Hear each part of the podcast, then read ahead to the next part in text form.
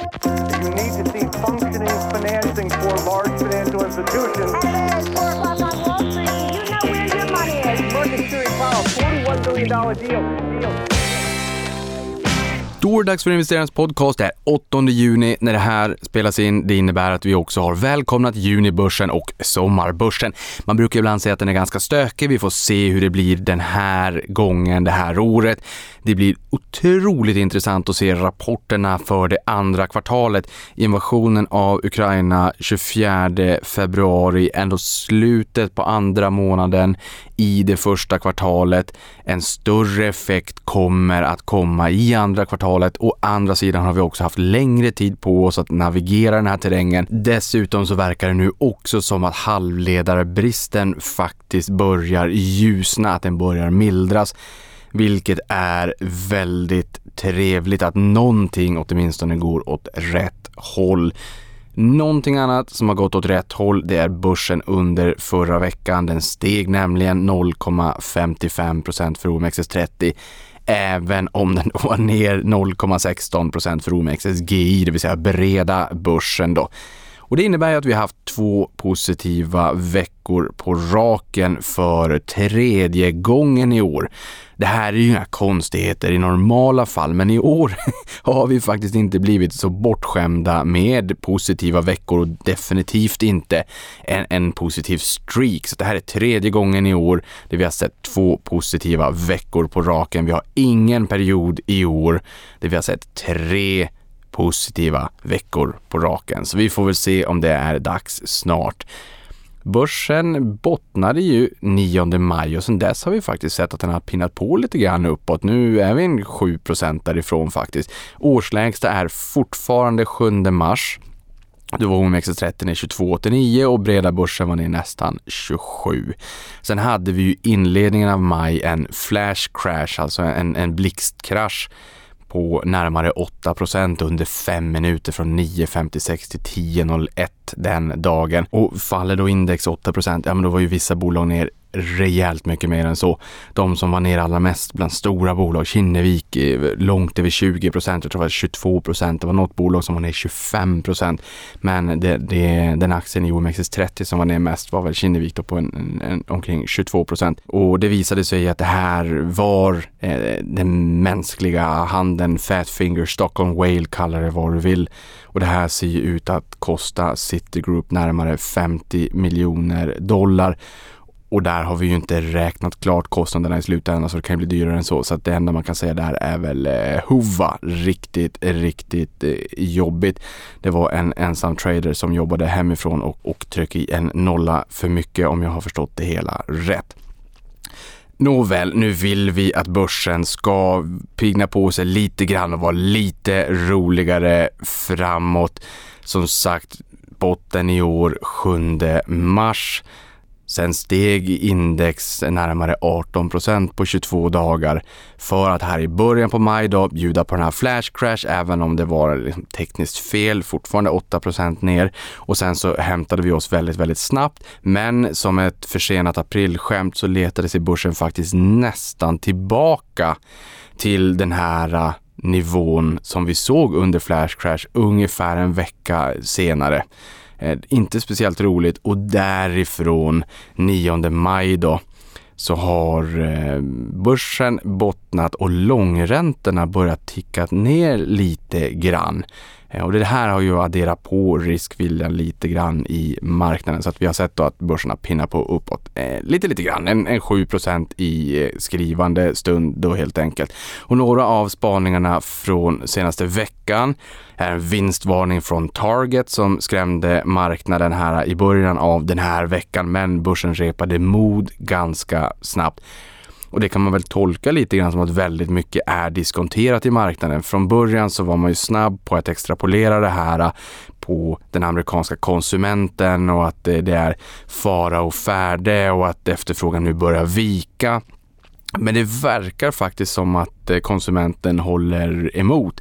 Bolaget var ner 25% på sin senaste rapport och nu kommer man alltså med än mera negativa nyheter. På rapporten så såg vi eh, Target bjuda på sämsta börsdagen sedan 1987. Det här var ju någonting som Även eh, Walmart bjöd på en riktigt sur rapport där också där de menar att inflationen börjar bita sig in i våran affär. Men ganska nyligen så har vi också sett Macy's och Dollar Tree komma med eh, indikationer, rapporter som talade ett helt annat språk som visade på att deras affär mådde ganska bra och det är ju klart att typ ett Dollar Tree då eller motsvarande kanske ett Rusta eller ett ÖB eller Jula för den delen, kanske kan se ett uppsving när priserna börjar pinna på uppåt och allting börjar fördyras när inflationen taktar på eh, och att man går tillbaka till den typen av lågpriskedjor för att få mer för sina pengar helt enkelt. Så att den enes bröd är den andres död. Eh, ni vet hur man brukar säga. Men Target ser nu att vinsten squeezas på grund av en aggressiv plan för att få ner lagernivåerna och det här är en röd tråd att nu har man inte riktigt samma utmaningar att få in prylar i lager som man hade tidigare. Nu ser vi att lagren har svällt ganska mycket för många bolag och nu får vi liksom en baksmälla åt andra hållet att nu är det viktigt att få ner lagernivåerna. Men vi börjar ta oss ur pandemin och här, det skapar en form av huvudvärk därför att postpandemi så är det en helt annan typ av efterfrågan som kunderna har och det rimmar inte riktigt med bolagens lager. Så att här säger Target att rörelsemarginalen kommer sjunka ner till runt 2% i andra kvartalet, vilket är betydligt lägre än bolagets egen guidance för bara tre veckor sedan, där man indikerade någonstans runt 5,3% vilket var i linje då, eller skulle då vara i linje med, med första kvartalet. Så att det är ju en rejäl nedgång här från 5,3 tre veckor sedan ner till 2% Man drar ju rejält i handbromsen och det verkar som att man kommer att rea ut mycket av det här lagret för att eh, få ner det. Men det som är bra i den här kråksången är att man menar att intäktstillväxten och marginalerna kommer att se mer hälsosamma ut redan under andra halvåret och då också nå en rörelsemarginal på 6% vilket är bättre än höstperioden innan pandemin. Så att 6 kommer tillbaka till en, till en intäktstillväxt och vi kommer tillbaka till en marginalnivå som är bättre än pre-pandemi när vi har fått kitta varulagret med prylar som kunderna faktiskt efterfrågar nu. Därför det är en annan typ av efterfrågan nu jämfört med vad man efterfrågade under pandemin. Och det är ju ändå ganska logiskt. Så jag tror nog att de var först ut och bröt den här ytspänningen och jag tror att fler kommer att följa i deras spår helt enkelt. Bolagets VD Brian Cornell säger samtidigt att bolaget upplever en hög trafik på hemsidan och en hög trafik i fysiska butiker och säger att kunderna har en god ekonomisk motståndskraft eh, men som sagt shoppar helt enkelt inte samma produkter som under pandemin. Och som jag sa precis, det här med lagernivåer, det är ju någonting som man har fokuserat mycket på under pandemin med trassliga försörjningskedjor. Man har fokuserat väldigt mycket på att bygga lager så att man har prylar att sälja. Det innebär att väldigt många bolag har ökat på kapital kapitalbildningen via lageruppbyggnad. Och det ser vi i siffrorna. Targets lagernivå var 43% högre nu jämfört med för ett år sedan, eller i slutet på april jämfört med för ett år sedan. Sen har vi Abercrombie Fitch och American Eagle Outfitters som är två andra bolag inom detaljhandel som har sett sina lager stiga 45% respektive 46% year on year.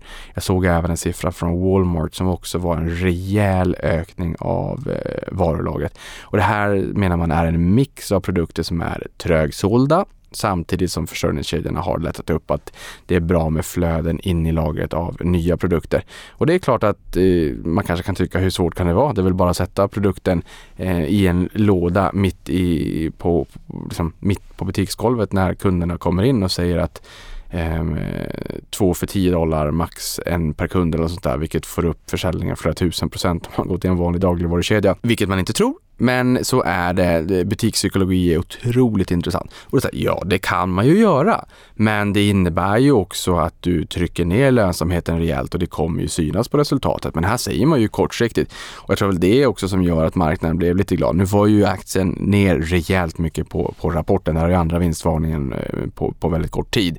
Men att de ändå drar i, eh, i eh, handbromsen nu tar det här äh, liksom, short term pain, long term gain. Man, man tar den här jobbiga utmaningen nu och sen så ser man till att att eh, komma tillbaka rejält under andra halvåret. Då.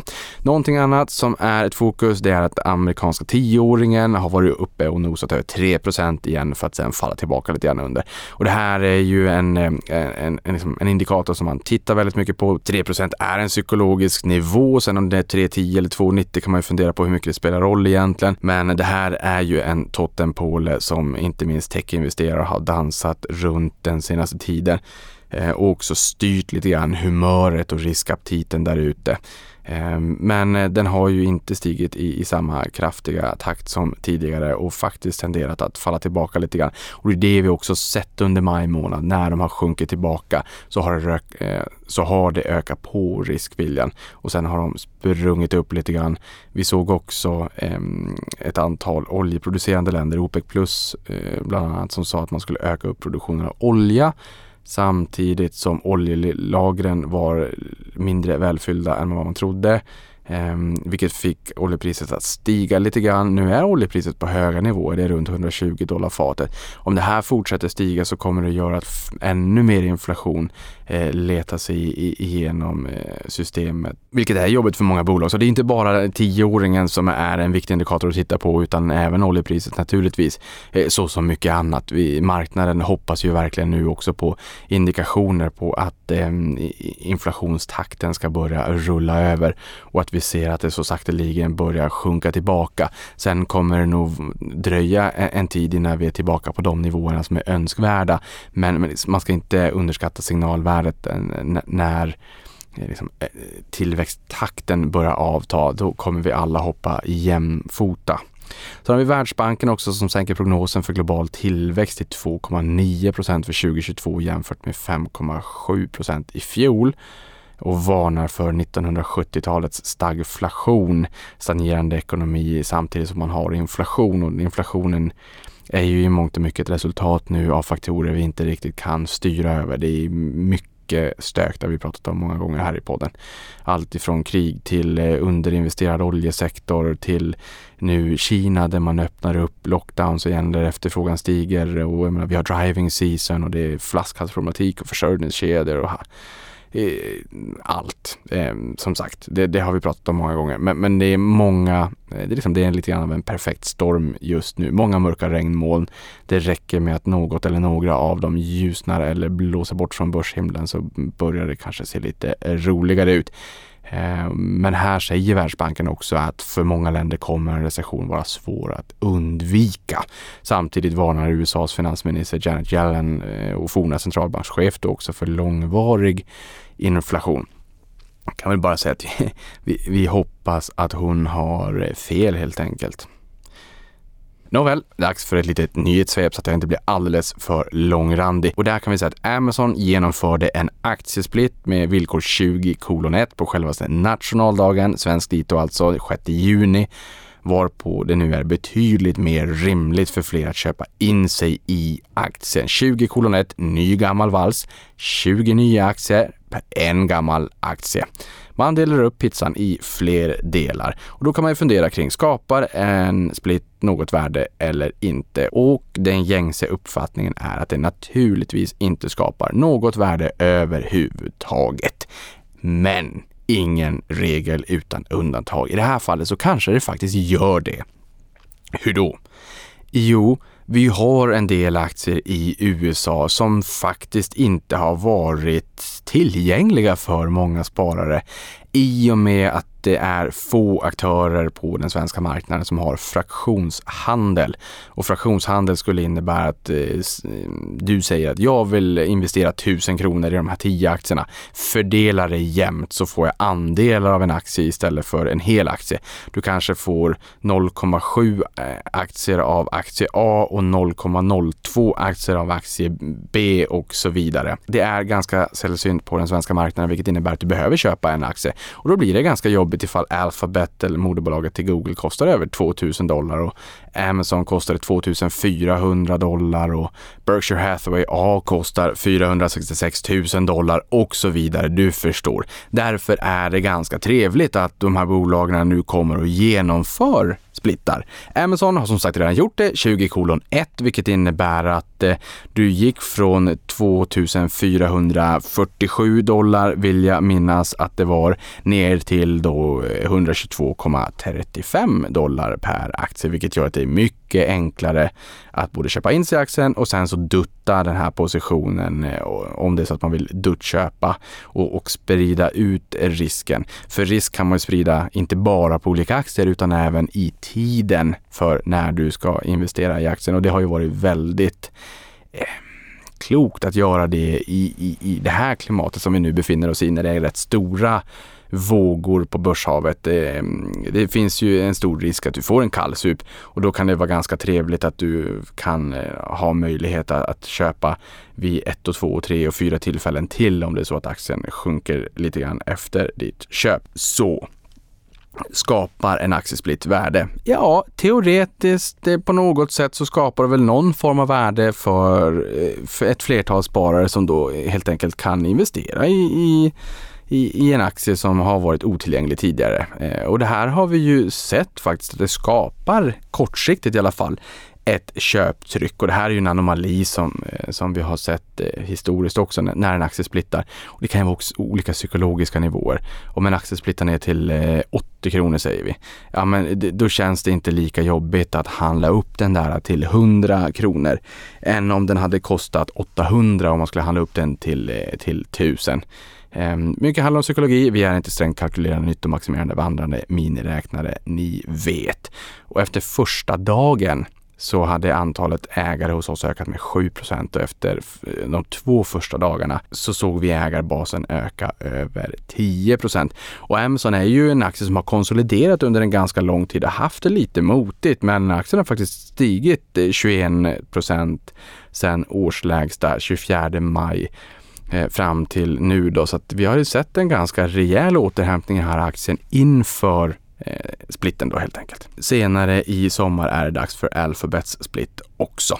Sen har vi Apple som rivstartade veckan med sin utvecklarkonferens WWDC 22 eller Worldwide Developers Conference 22 där de aviserade ett flertal spännande nyheter. iOS 16, nya datorer med M2-chip, MacOS Ventura, iPadOS 16, WatchOS 9 och då det här nya chippet M2.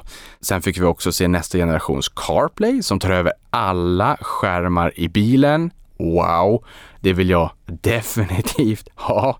Eh, och det här kanske också är någon form av indikation på att de kanske mm, tänker en del på att lansera sin egen elbil. Det hade varit jättehäftigt. Jag hade kunnat säga sin egen bil, men sannolikheten att Apple skulle komma och, och lansera en bil med förbränningsmotor är nog um, unthinkable skulle jag väl säga.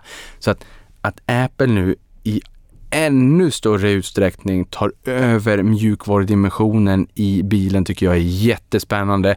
Jag tror att bilar står inför det vi har sett tidigare med telefoner från dumbphone till smartphone, tv-apparater från tjock-tv till smart-tv etc. Och att vi i framtiden kommer att se bilen som en, en smartphone på hjul. Därför tycker jag att det, det här är jättespännande. Man har inte riktigt aviserat alla bilmärken som är med på det här, men man berättar däremot i USA att det här är en jätteviktig fråga för många konsumenter som köper bilar. Att de har access till CarPlay i bilen, vilket är intressant. Det finns en jättestor stickiness uppenbarligen med Apples ekosystem.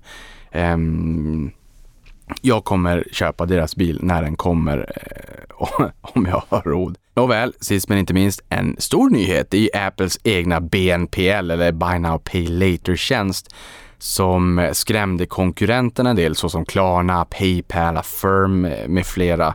Eh, och sistnämnda Affirm då föll 6% på den här nyheten. När och om du betalar med Apple Pay så ska du också ha möjligheten att kunna dela upp det här eh, köpet i fyra installments eller fyra delbetalningar, räntefria sådana. Och man antar väl att det här är ett samarbete med Goldman Sachs, vilket man har ett samarbete med sedan tidigare när det kommer till Apples kort. Då. Spännande. Man förstärker ekosystemet ännu mera, ger sig in ännu mera på fintech, ger sig in mera på på eh, fordonssektorn mot bilar. Jag hade väl hoppats på att man kanske hade kunnat säga någonting om virtual reality eller augmented reality, men, men den som väntar på något gott. Sen har vi SAF Holland för att ta ett svenskt uttal. Det heter säkert inte så förmodligen inte i och med att det inte är svenskt. Som la bud på fordonsunderleverantören Haldex om 66 kronor per aktie nu på morgonkvisten. Eh, och budet motsvarar en premie om 46,5 procent jämfört med gårdagens stängning och värderar bolaget till ungefär 3,2 miljarder kronor. Vi har haft en del bud senaste tiden. Eh, det här är ytterligare ett bud till handlingarna. Fortsatt svag svensk krona gör väl att många utlänningar också kan sitta och räkna och kanske till och med räkna hem det lite enklare än tidigare. Eh, inte minst när börsen har varit sur plus att kronan är svag. Och den här budgivaren då, SAF Holland, eh, äger redan 14,1 procent av aktierna sedan tidigare. Eh, och Haldex har 5 775 ägare hos oss på Avanza. Sen har vi Holmens VD Henrik Sjölund som anser att osäkerheten kring elpriserna riskerar att hota investeringar. Citat. I slutändan handlar det ju om jobb, arbetstillfällen, skatteintäkter och så vidare. Slutcitat. Eh, och rimligtvis så kan det här extrapoleras till fler branscher just nu. Att ser vi stökiga, höga, volatila elpriser så kommer det att rimligtvis tyvärr kanske lägga en våt filt över investeringarna framåt. Och man behöver ju fortsätta investera för att hålla verksamheten välsmord. En dag så kommer vi ur den här dyngan där efterfrågan börjar stiga igen och där det är dags att vara snabb på pollen när volymerna stiger. Ehm, det är väl det vi också ser lite grann kanske huvudverken av inom just oljesektorn och oljepriset. Vad som händer ehm, när makroekonomiska faktorer stökar till det rejält samtidigt som Eh, efterfrågan stiger post pandemi samtidigt som man har underinvesterat eh, under eh, lång tid. Sen har vi gamingbolaget Embracer som idag aviserade att de avser genomföra en riktad nyemission av B-aktier till Savvy Gaming Group för 10,3 miljarder kronor, vilket motsvarar en aktiekurs om 103,47 kronor. Och det här innebar en premie om 15 procent jämfört med gårdagens stängningskurs och jämfört med gårdagen då den 7 juni då helt enkelt. Här har vi ju Savvy Gaming Group som ägs av Saudiarabiens statliga investeringsfond Public Investment Fund och det här har skapat lite huvudbry och frågetecken. Det här är to be continued. Frågan är om det här kommer att ge en lite bitter eftersmak. Um, det här kommer att fortsätta diskuteras. To be continued. Sen har vi Encon som är världsledande inom tiltrotatorer som noteras på Stockholmsbörsen 17 juni och går att teckna via Avanza som är exklusiv retail-distributör. Eh, och teckningskursen är fastställd till 46 kronor per aktie vilket motsvarar ett börsvärde om 7 miljarder kronor. Och det här tiltrotatorer är kanske inte ett begrepp som är nytt för dig som jobbar i branschen men för oss alla andra, för mig som lever i en form av eh, bubbla, finansbubbla som ser aktiekurser på en skärm blinka men inte är ute och gräver grävskopa etc. i, i den verkliga ekonomin eh, kanske inte riktigt vet vad det är, men liksom skopan längst fram på Eh, ja, om jag säger traktor så är det någon som kommer såga mig också. Det finns ju massa olika eh, begrepp på det här. Men ta Volvos VCE-segment, eh, Volvo Construction Equipment på byggarbetsplatsen när det grävs eh, eller när man gräver fiber i, liksom, vid sidan av vägen i väggrenen efter landsvägen när det ska grävas ner ny spännande fiberkabel och sådär. Så på själva skopan så finns det nog en god sannolikhet att det kommer att stå en Encon på den där. Eng som i engelska och con som i um, confession kanske? Sen har vi fastighetsbolaget SBB som nu är klar för indexinkludering i OMXS30 och tar därmed över Skanskas plats helt enkelt. De har värmt upp den där platsen, nu tar SBB över. Och det här är faktiskt det enda renodlade fastighetsbolaget i prestigeindexet. Ehm, så att grattis grattis SBB och nu ändras karaktäristikan lite grann ändå på indexet igen. Det tyckte jag att det gjorde till förmån tillväxt när Sinch och Evolution kom in. Och på det temat så kan jag väl säga, jag har skrivit en blogg här för en tid sedan om hur OMXS30 värderas. Det intressanta där är att Sinch värderades högst på 29,9 gånger årsvinsten förväntade för innevarande 2022. På andra plats så kom Telia Company och Evolution på en delad andra plats på 24,7 gånger årsvinsten eh, förväntat för innevarande 2022 då.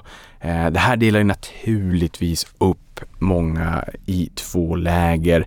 Du som lyssnar på det här har säkert en uppfattning. Å ena sidan Telia med värmande kupong på, på 5% och det finns ju säkert värden som kommer realiseras och renodling som kommer göras eh, kontra då Evolution med, med, eh, med, med en normalt sett hygglig tillväxt och hög lönsamhetsnivå. De här två bolagen värderas lika högt eh, tycker jag är spännande. Och vi har ganska många defensiva bolag nu som värderas ganska högt. Jag kan tänka mig att en del också söker skydd i den här typen av bolag i stormiga tider. Plus att eh, bolag med en hög direktavkastning agerar finansiell snuttefilt. Sen har vi Bailey Gifford som är en stor ägare i Avanza som har flaggat upp i både VNV Global och Kinnevik den senaste tiden. VNV Global var ju med på Uppesittarkväll nu senast och Per Brilliot kommer att komma tillbaka till podden här inom närtid för att berätta mer om hur de agerar nu och vart de hittar värde. Aktien har ju tagit rejält med stryk, det har även Kinnevik gjort. Så jag tycker att det är på tiden att vi får en liten uppdatering för i de jävligaste av tider så vet ni att man gör goda affärer. Därför är det också väldigt intressant att lyssna till hur ett fullblodsproffs tänker Eh, Eh, kring eh, det här marknadsklimatet eh, en, som har varit med tidigare när det har bränt till rejält. Men Bale Gifford här då tycker ju uppenbarligen att det kliar lite grann i köpfingrarna har som sagt flaggat upp i VNV Global och nu också då Kinnevik. Nu nyligen aviserade de en corner, det vill säga en post på över 10% i Kinnevik första juni och två dagar senare så skalar de upp positionen ytterligare till 10,58% av kapitalet och 5,06% av rösterna. Sen har vi Riksbanken som idag ändrar namn på den viktigaste räntan från reporänta till styrränta. Orsaken är främst att namnet har blivit missvisande då Riksbanken inte använt sig av penningpolitiska repor, repurchase agreements här 2008, men räntans funktion och syfte är oförändrat. Och sist men inte minst, innan jag gick in i studion för att spela in den här podden så möttes jag också av beskedet att Roku stiger 11% i USA efter rykten om att Netflix kan vara nära att lägga ett bud på streamingplattformen. Och det här tycker jag någonstans är lite intressant. Jag kan också se logiken i det hela. Netflix såg ju sitt eh, användarantal öka i senaste kvartalet om man justerar för Ryssland Ryssland, den marknaden där man backar ur, det vill säga att den ryska marknaden där man valde att lämna, där tappade man också 700 000 abonnenter. Men det är ju ett eh, Eh, frivilligt val. Sen vet inte jag om man kan kalla eh, liksom, hela debaclet kring Ryssland nu ett frivilligt val. Jag tror att de allra flesta bolagen vill inte ha någonting med Ryssland att göra. Men vissa lämnar ju också för att det är en alldeles för stor varumärkesrisk. Alldeles oavsett, de allra flesta bolagen eh, flyr hals över huvud från ryska marknaden. Men det är en komplex fråga naturligtvis. Så i kvartalet där så kommer vi ihåg att de tappade 200 000 abonnenter.